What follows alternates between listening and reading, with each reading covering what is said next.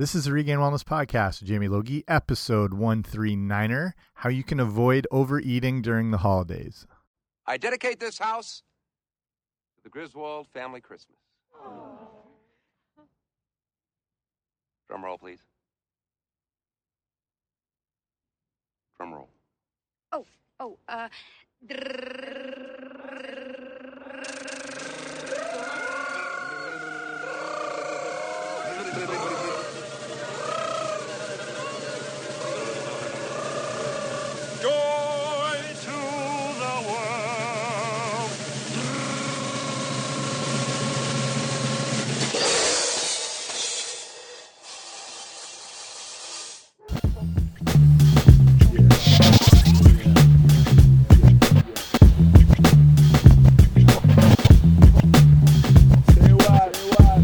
Guys, what's happening? Welcome back to the podcast. I'm Jamie Logie. I run regainwellness.com, and this is the Regain Wellness Podcast. And this will be the last um, podcast of the year. And I thought I'd make it a sort of one stop shop for all things, uh, you know, kind of navigating the sort of runaway runaway freight train that is you know the diet during the holidays and the overabundance of food and just like tips and things you can do to stay on top of you know keeping mindful of what you're eating but still enjoying the holidays.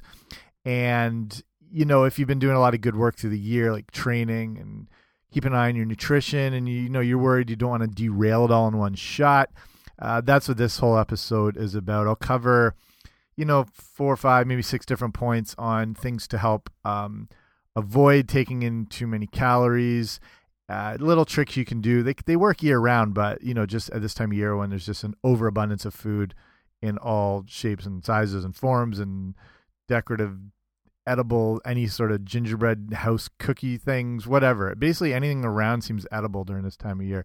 Okay so let's get right to it. So, like I said, I mean, the holidays aren't just ugly Christmas sweater parties. It's there, there's so many. I mean, depending on what you celebrate or where you live, and there's just an abundance of food related activities from work parties to family parties to um actual Christmas Day itself, Hanukkah, throughout the whole basically the whole season, and then right into New Year's. It's just like there's a never ending um amount of food and alcohol and sugar and stuff that just gets thrown right at us. Um, the average person, there's varying stats on this, but the average, they say the average person puts on five to seven pounds during the holidays. Um, some that can be as low as you know only a pound. Some people up to ten pounds, but you know around say five pounds, give or take, tends to be what the average person can put on, and that's you know a combination of a lot of in, I don't want to call them like inferior foods if it's something that's like a homemade, um, you know, Christmas treats or stuff that at least is made like with real ingredients, but they tend to be more of those uh, less than desirable, you know, refined flours and sugars, and you know they'll be better than a store bought alternative, but then those are everywhere as well too. So I mean, you combine a really high carb based season high sugar and then the fact again depending where you live where the weather i mean here we're just pummeled with snow right now in southwestern ontario. Um, so uh, a lack of activity um, during this time of year where you're cooped up inside all this food all this alcohol whatever it just it's kind of like a ticking time bomb that's just not going to work in your favor. So the first few the first tip i'll say to whatever event you're going to, whether it's a party or a work function or whatever, is don't go to the event hungry. And th that's sort of a mindset whenever it, you, you like you're going out for a big meal or something you've been waiting for for a while. You want to like save your appetite, but this can make it a little difficult because then you're more likely to make worse choices when you go into an event starving. And when you're hungry, it tends to be when your blood sugar drops. That can lead to cravings for more quick energy. Your body wants like an instant hit. So you tend to desire, you know, refined carbohydrates, carb, you know, carbohydrates in general, and sugars. I mean, this is an ancient mechanism that's built into us where we're kind of programmed to crave things like, you know, fat and sugar, but from more, you know, natural sources. And the problem is we've been introduced to all these, you know, highly palatable, super high calorie manufactured things that just don't exist in nature. And now we've sort of, you know, like we've hijacked our, you know, like our, say our Paleolithic ancestors the sugar they would have craved, the only sugar they would have had access to would have been various forms of fruit, which still would have been super high fiber, and they only would have had them at select times a year because of they'd have to wait for fruits to ripen. So it's not like they had constant access to this stuff all the time. Another one would be honey. And again, that's not constantly available. They'd have to wait to the certain times where honey or honeycomb is being um, developed and put forth by bees or you know whatever they had access to. So I mean, these are the types of sugars we you know can naturally crave, and our concept of sugar now is just completely corrupted and more almost narcotic based with how overwhelming it is and how addictive it can be. So it's not our fault. Like we crave these things that are, like I said, built into us. But the problem is our availability of these, you know, the versions that exist now today are really not good. And like I said, we still, when you're hungry, you want that quick energy hit. And that's when you walk into, you know, a party and you see the shortbread cookies or any form of chocolate covered whatever. And that tends to be what you crave and that tends to be what you're more likely to go for because you just want that quick, basically, your brain wants that quick fix of sugar. So, instead of going in hungry, also there is a tendency to overeat in that situation too because you potentially feel like you're starving. So don't go into the events hungry. The best move is depending on what whatever time you're going to something. Say it's like seven o'clock, around four to five. Make sure you have a good whole foods meal, and make it centered around the things that are going to fill you up, like protein, fiber, healthy fats, um, you know, water, at least like things like vegetables and fruits are going to contain a lot of water naturally as well as the fiber, but have those things that promote sati satiation through that um, sort of end part of the day. So when you go to the event, you're not absolutely starving. You're feeling a little more comfortable, and then you're less likely to overeat, and you're less likely to, you know, dive headfirst into the gingerbread house. So a good, I mean, a good go-to. I'll do this all the time is take a kind of like mixed greens or you know spinach maybe throw some kale parsley sort of salad um, throw in some other vegetables like uh, red onion maybe some tomato some cucumber. Then you can put some grilled chicken as a good protein source on top. You can even dice up some avocado you know even some hard boiled egg and then make your own dressing.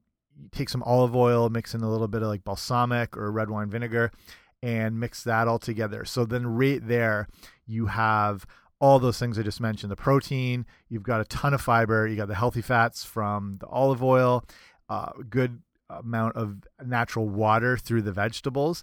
And this thing will keep you full and going for a while. These, whenever I used to work in restaurants or in gyms where I had, like, say, a later shift where I didn't know if I was necessarily going to be able to eat, till I got home. These are the salads I had, and honestly, I'd be full for like a good five or six hours. They're so voluminous, um, but still low in calories, and they still they keep you full the whole time. There's some nights I'd eat something like this at eight o'clock, and I'd still be like not hungry the next morning. That's how effective those things can be. So don't go into the event hungry um, use something like this or, or any variation of the those things I mentioned protein, fiber, healthy fats, and that's going to help you go. Okay, the next thing, the next tip is to slow down your eating time. And I mentioned this in other episodes too. These are things that you know work year round. If this is a, I don't know if you're going out for a work function or it's like a buffet or a potluck, whatever it is slow down your eating time to avoid overeating. The average person eats in roughly around three to five minutes. Keep watch yourself. You'll you'll probably be surprised how quick you actually eat. A lot of times it's even faster than this. Like people can eat meals in 30 seconds, depending, you know, if it's not like a huge multi-course meal. People just pound back food. I've done this too. Um, we just are you're either in a rush or you're not taking your time to savor anything, or you're just trying to eat as much as possible. So this doesn't allow for the natural fullness signals to reach the brain. You have things like stretch receptors on your stomach, and you have um, hormone levels that kind of communicate between the stomach and the brain. And basically, when you eat too quick, you override these things. You can end up consuming enough calories, but because your mind doesn't think you're full, you continue to overeat. That's why you want to slow down your eating time. You want to take ideally 15 to 20 minutes to finish eating before figuring out if you're actually able to still have more. You know, there's the chance you okay, you still might be a bit hungry, you can keep going, but more often than not, you're going to feel satisfied after this 15 to 20 minutes. Push it even farther too. I mean, 20 to 30 minutes. Um, this is going to make it just more manageable because when you just wolf down this food, you, you you could take in a thousand calories and not even like at the blink of an eye, and you're still hungry. You still want to keep going. The mechanism of eating has been engaged, and you want to continue. Little do you know, your body's taking in more than enough calories because in most cases, like with holiday events, you're consuming these foods that are super high calorie, very palatable, that don't fill you up, and that make you want to keep eating. Again, when it's more refined carbon, sugar based, and stuff like that. So you're taking in more, and then you can you're desiring even more and more, and you can just you can triple the amount of calories that would normally had done the trick in the first place. So take at least 15 to 20 minutes. I mean, keep your if it's a sit down thing, it's a bit easier because you can, you know, keep your phone out. If it's something where you're around up and mingling, I don't know, keep an eye on the clock or your watch or whatever it is. If you're out for, if it's a meal where this isn't, you know, a real possibility, like say people are eating a little quicker and it's, you know, it's like a multi course meal thing and there's different servings coming, at least be the last person to finish and that way you're going to extend your eating time probably longer than you normally have.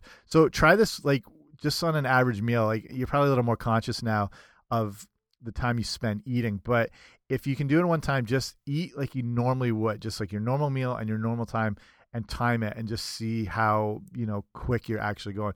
Ideally, you know, you're you maybe you're doing this naturally, but this is going to help you overeating when you're at yeah, like a holiday function or like I said, the potluck dinner. You're just you're not going to go bananas right off the bat there.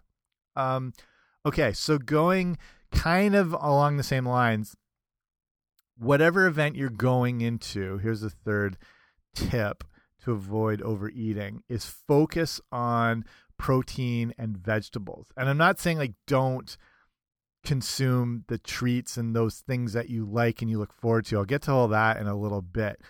But to avoid again eating too much of those and kind of caving into the the blood sugar issue. When you eat protein and vegetables first, this is going to help you get fuller quicker and it's also going to help keep your blood sugar a little more stable. If you eat like a refined, say you eat like a shortbread cookie or something like that on an empty stomach, this is just like an instant shot to your blood sugar. It just spikes. There's an insulin release that if you know insulin is known as the fat producing and storing hormone and when you overconsume you keep insulin levels elevated this makes it difficult to lose weight in general it also over time can lead to insulin resistance um, pancreatic burnout which is you know setting the stage for type 2 diabetes also of course that's going to you know lead to obesity and heart disease and the whole thing that's the problem um, when you have those fat, like we call them fast acting carbs. Basically, think anything white is going to be a fast acting carb. And when you eat things like protein and vegetables, there's still that insulin response, but because they've got, you know, protein and, um, say, you know, natural fibers, things that are going to be a little more gentle on your blood sugar. There's not going to be that fast release. So if you're going in, so say you're going into an event hungry, it is okay to eat, but look for the protein and vegetables first. So that's going to just keep you a little more stable. And again, you know, if you eat too much, too much sugar or too many refined carbs, you're going to get that blood sugar spike. It's going to lead to a crash. You're going to have, you know, irritability. You're going to have more hunger cravings.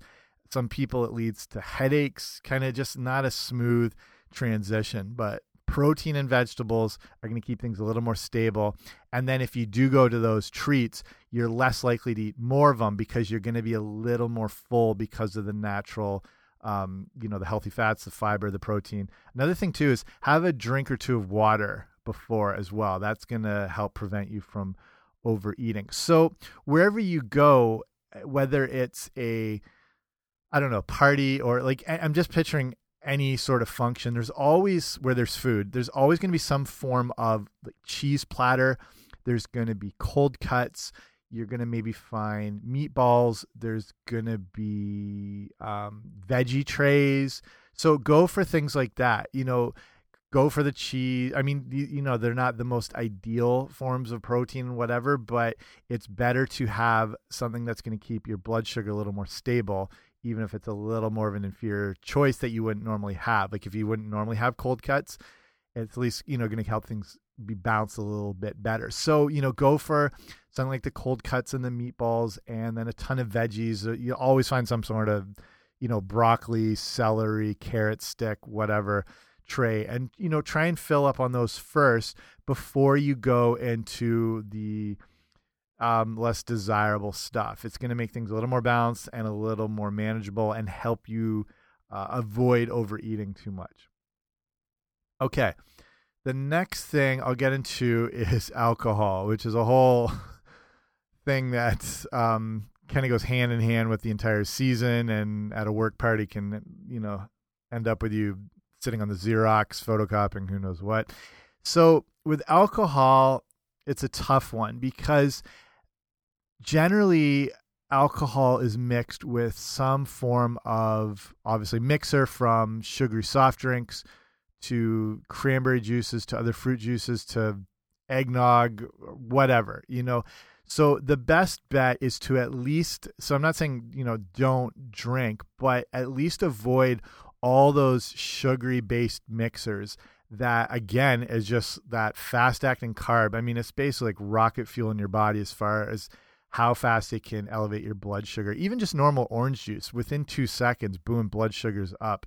It's just, um, you know try to avoid any of those mixers even juices. If you're gonna have if you have to do a juice at least do something like a grapefruit juice or a real cranberry juice if you can find it or uh, pineapple juice something that at least has some minerals and vitamins in it and whatnot but those are still fast acting sugars. So your best bet ditch all those. Again because those are going to lead you again that insulin spike then there's going to be that crash. It's going to lead to more cravings for more of those fast acting carbs and then all those treats are around you. And if you've had four or five you know cranberry and cokes you're going to cranberry and cokes vodka and cokes or vodka and cranberry you're probably going to throw caution in the wind a little bit more and you're more likely to just say screw it and then eat an entire platter of sugar cookies.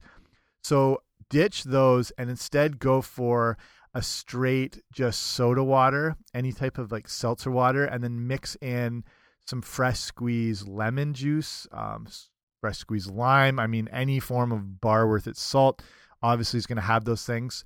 So make it a much lower calorie, zero sugar drink. Alcohol wise, your best bets are going to be gin and tequila as far as Hopefully, tequila is not giving you horrific flashbacks to something. But gin is going to be the lowest calorie option, and tequila is the best bet because it's good for anyone with uh, celiac disease, gluten sensitivities, because it's not grain based as opposed to like gins and vodkas. And gin actually is just vodka, but it's uh, there's different sort of um, herbal notes and additives put in to give it more of that um, flowery sort of herbal um, taste. You know what I mean? If you've had gin before, you know that elderberry kind of mix, but it is basically just vodka. So um, most vodkas, I mean, true true vodka is they distill it from potatoes, but they can still do it from grains. And the average vodka you're going to consume is probably a grain based one, and then the gin goes right along with it. So if you have any form of um, like I said, gluten, celiac, whatever issues, tequila is going to be your best bet, and it is a lower calorie choice. There is still quite a few calories in alcohol. Remember, it's you know, people forget with protein and carbs, you get four calories per gram of each of those. With fat, you get nine calories per gram of fat. With alcohol, you get seven calories per gram. So be aware, it is still it's still a high um, calorie source, but do yourself a favor and cut out all those sugary mixers. Add in just the straight soda waters, lime, lemon. That's going to do you a whole lot of favors. Beer is, I mean, that's the thing. Beer is going to be a tough one as well, just in general, year round, because with beer, you're basically drinking liquid bread. That's what it is. It's a super fast acting carb. Um, at least, and with the case with, say, like a mass produced, like a Budweiser or Miller High Life or Coors, what any of those, again, depending where you live, that's more um, North American based. Those things are so full of additives and in some cases, even like high fructose corn syrups and fillers that it's on it's like you're drinking kind of like a alcohol ginger ale at that point you know what i mean it's there's really not a, a brewing process that happens per se it's it, per se it still goes through the same procedures but it there's it's just like those things like buds and bud lights to me those are like the coca-cola of the beer world at least go for a real microbrew craft beer, which you know is only a handful of ingredients. I mean, beer is only um, water, yeast, barley, and hops, and that's all you need in it. And a good craft beer is getting probably locally sourced, uh, organic, high quality ingredients because they want to make the best product possible. So you're at least getting, you know, like I mean, a, a hand. I don't want to say handmade, but a real natural sort of whole food approach to the the beer and you're gonna get some minerals and you know magnesium and whatnot but like remember what i said it's you're you're drinking you're drinking a barley sandwich at that point wine is also gonna be a, a good bet especially red wine and i've covered that quite a bit i can link up an episode all about the benefits of red wine which there are quite a lot and more specific to red wine as opposed to white wine as far as the health benefits with um, what they call like the polyphenol content, which is what provides the antioxidants. And that's exclusive to red wine because those things are found in the seeds and the skins of the grapes. And with red wine, the wine is in longer contact with the the skins and that's what gives it that higher antioxidant content which you don't get with white wine so you can actually say with uh, white wine you can they, white wine can actually be made from red grapes but the skins and stuff are removed quicker, so you're left with the clear juice. And with uh, red, the the darker, the deeper the color, the better. The higher that antioxidant content. Things like a Pinot Noir, Cabernet Sauvignon. Those are going to be your best bets. So if I'm not telling you what to do, but if I'm making suggestions, say alcohol wise, go for the red wine. And if you're doing the mixed drinks, go for a gin and soda with um, some lime in it. So if you want to see more, like I said, I'll link up episodes on alcohol and red wine and the whole deal. I've got like a huge show podcast just on alcohol and just on red wine. So if you go to regainedwellness.com slash 139, I'll have those right there so you can check them out. Okay, let's finish with one last tip. And this is going to be something that's going to make your body a little more, it's going to put you in a better state to handle less than ideal quality foods, especially higher sugar and fast acting carbs. And that's going to be exercising before you eat. Not not like right before, but earlier in the day. There's you know during like say in Christmas you have this giant meal and then everyone, you know, wants to if they haven't passed out already, wants to go out for a walk, like they call like a turkey waddle. And you know, sometimes people wonder if I exercise after, is that going to burn off the meal? It's not at all, really. And you're, I mean, when you go for a walk, you're not really burning that many calories. It's still very good for you. And I very much encourage walking. But if you've just eaten 900 calories, a walk isn't going to do much. And you're still going to be digesting that meal for quite a while. Your best bet is to exercise before. So if if you've ever had that question, should I exercise before or after a meal? What at whatever point in the year before. And again, I don't mean like the minute before, but earlier in the day. And you're going to want to do something that's a little more high intense base. Um, you, you can do your cardio and it is it's effective, but you want to do more high intensity interval training or strength training because it's going to create more of a hormonal environment in your body that is going to be better uh, equipped at handling sugars and glucose and a lot of that those fast acting carbs that you're you're going to consume later on they're not going to hit you as bad and that's because when you perform something like high intensity interval training that's putting your body into this super high calorie burning state because it just requires so much energy and so much uh, so much oxygen and the best part of it is when you finished uh, a high intensity workout your body's at this state where it can continue burning calories long after the workout's done in kind of an afterburn effect. They call it EPOC, E P O C, and that's excess post exercise oxygen consumption. And basically, what that is is it's that afterburn effect. Your body uses so much oxygen that it's got to replenish it, you know, throughout the day, and it does that by burning calories. And research from uh, where is it? Ohio State University, and even here in Canada at Queen's University as I mean, this has been studied all over the world. This is just more what I've looked at recently.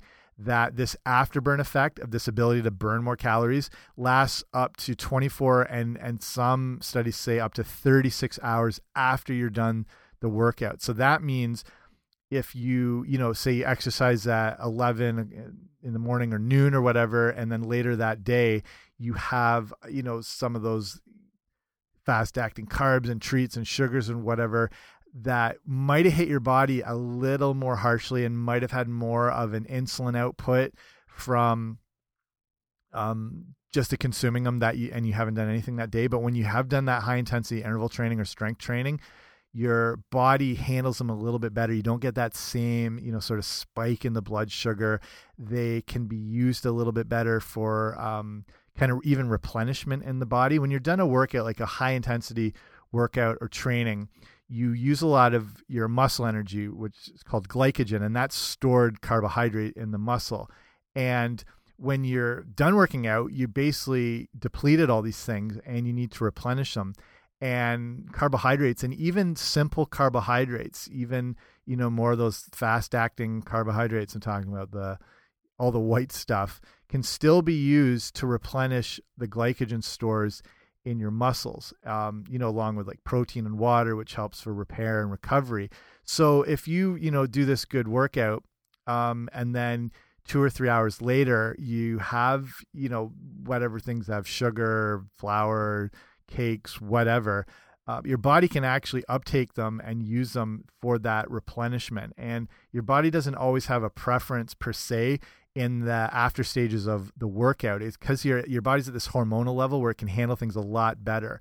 Um, so those foods can be better utilized and they're not going to be as harsh on your system. So, in, in, case you don't know about high intensity interval training, I'll link up an episode as well, all about that, why it's beneficial, how to do it. But the basic rundown is high intensity interval training is basically where your body goes through intervals. You're going to start with, say, easy example is say doing a stationary bike, and it's going to start with doing, you know, like a five minute warm up just to get the heart rate up, get the blood flow to the muscles, and so okay, say you have a dial, you know, the dial that increases the intensity from one to ten. So say you're starting off the warm up and you're just at like a two or a three or whatever. So then after this five minute warm up for 30 seconds, you're going to increase this intensity up to like a seven or an eight and this is going to be like a full sprint and you're going to push it hard for about 30 seconds. So you want like a clock or a timer by you. When that 30 seconds is up you're going to dial the intensity way back down back to like a two or three and you're going to go at a lighter intensity recovery phase for around 90 seconds. So then when that 90 seconds is up you turn it back up again and you go for another hard 30 seconds. And you can do this anywhere from five to eight rounds of that and then finish with a five minute cool down. This whole workout's only going to take you 20 minutes. Even though it seems short, it's more effective and it's a higher calorie burner than doing over an hour of like a steady state regular cardio. Um, and it's going to have positive effects on your hormone levels. Like I said, it's going to improve that um, insulin sensitivity in your body so your body can handle the glucose and sugar a lot better. It can still lead to lean muscle gains, body fat loss. It's amazing stuff, high intensity interval training. And it doesn't just have to be like a, a bike sprint. You can do this outside. You can, you know, go for a walk. If you're able to do a little more running, sprinting is the ultimate form of this type of exercise. If you can find somewhere like a big open park or somewhere with flat surfaces, same thing, go for a light, you know, five ten minute jog just to kind of get the heart rate up, blood flowing. And then, you know, you're going to pick up the pace and sprint it pretty hard, you know, for at least 10 seconds. But if you can push it up to 30, and then you're going to slow down and just do a recovery, slower pace walk for 90 seconds. And same thing, um, you know, five to eight rounds of that. So if you're doing the sprinting, you can do just around the 10 seconds because that's, you know, your full body's working, you're fully engaged, but you're really pushing it. And this is the reason sprinters, you know, like 100 meter sprinters, are so lean and so powerful because they're doing this high intensity interval style training all their life. That's what sprinting is based around. So you look at how strong and powerful and lean they are compared to, say, uh, a marathon runner who's a little more frail, um, you know, quite light, not a lot of muscle because they're doing this, you know, long term running. So it's good for, you know, physique enhancements, but as well, in this case, um, it sets that hormonal stage a bit better to handle some of those less than quality um, snacks that compared to say if you weren't if you didn't do any exercise that day um, are going to cause a little more disruption in your body. So same thing, it could be a workout like a strength training, muscle building workout because when you're doing weight training, you're still kind of engaging the same um, system, but here now you're training the muscles.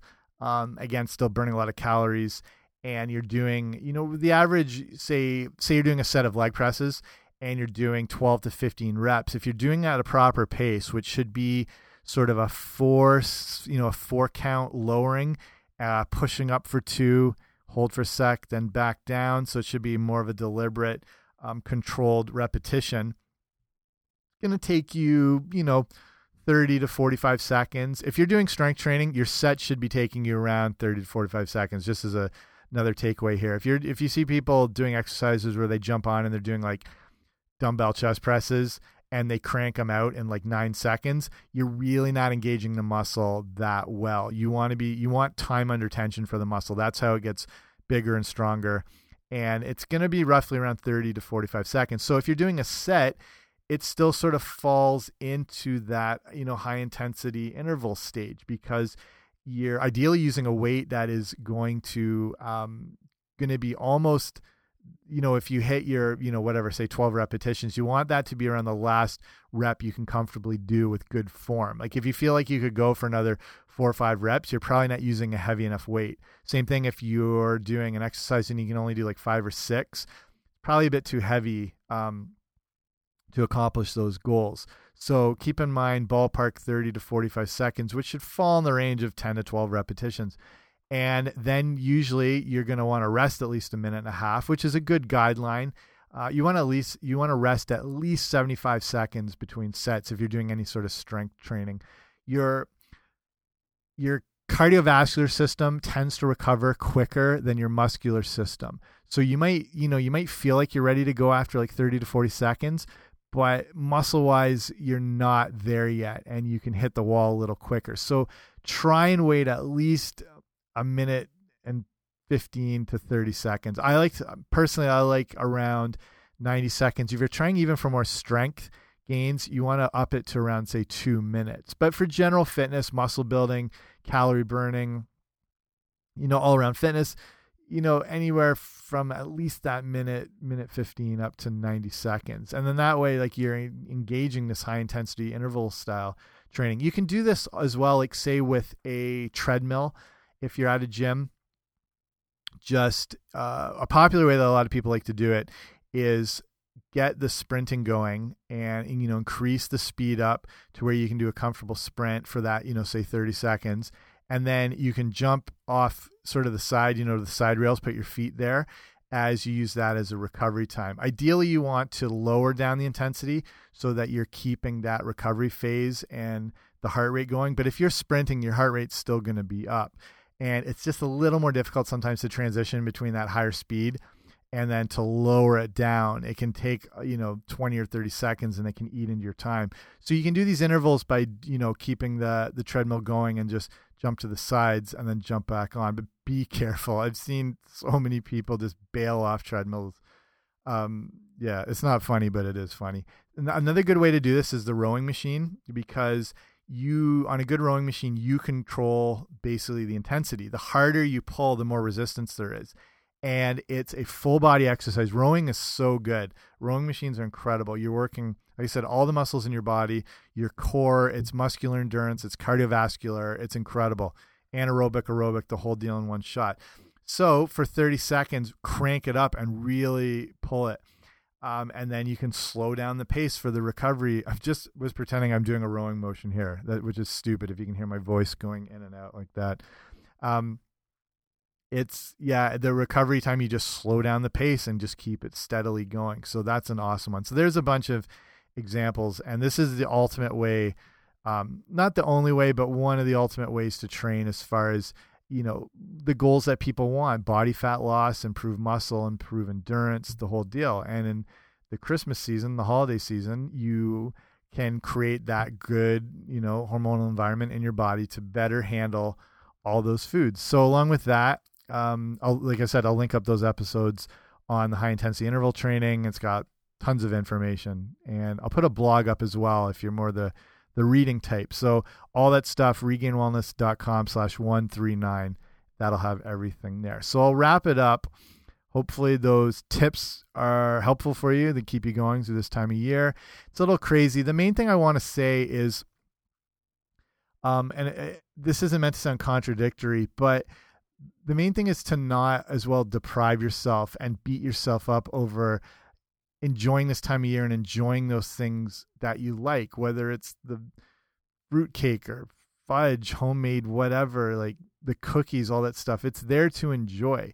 And I, I as much as you know you don't want to go overboard, I think it's just as unhealthy to deprive yourself these things that you do if you do like them and you do look forward to them um, you do deserve them. And if you have been working hard all year in fitness and nutrition or just in your daily life, you still deserve these things. And so I'm not, you know, negating all the stuff I said. Those all those tips are just ways to manage it better and to avoid going too overboard. So the best way I could sum it up is during the holidays, um, indulge but don't overindulge, and that's probably the best way I can um, put a bow on this puppy because that's the same approach I'm going to take. Okay, so that's it for me.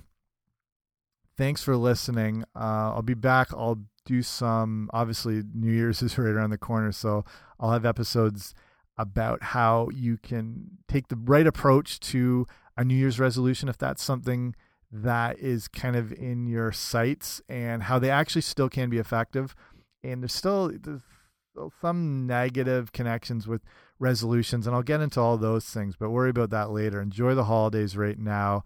Uh, let me just say Merry Christmas, you filthy animals, and a Happy New Year. And if you haven't seen Home Alone, that's not meant to offend anybody. Go watch Home Alone. Okay, bye.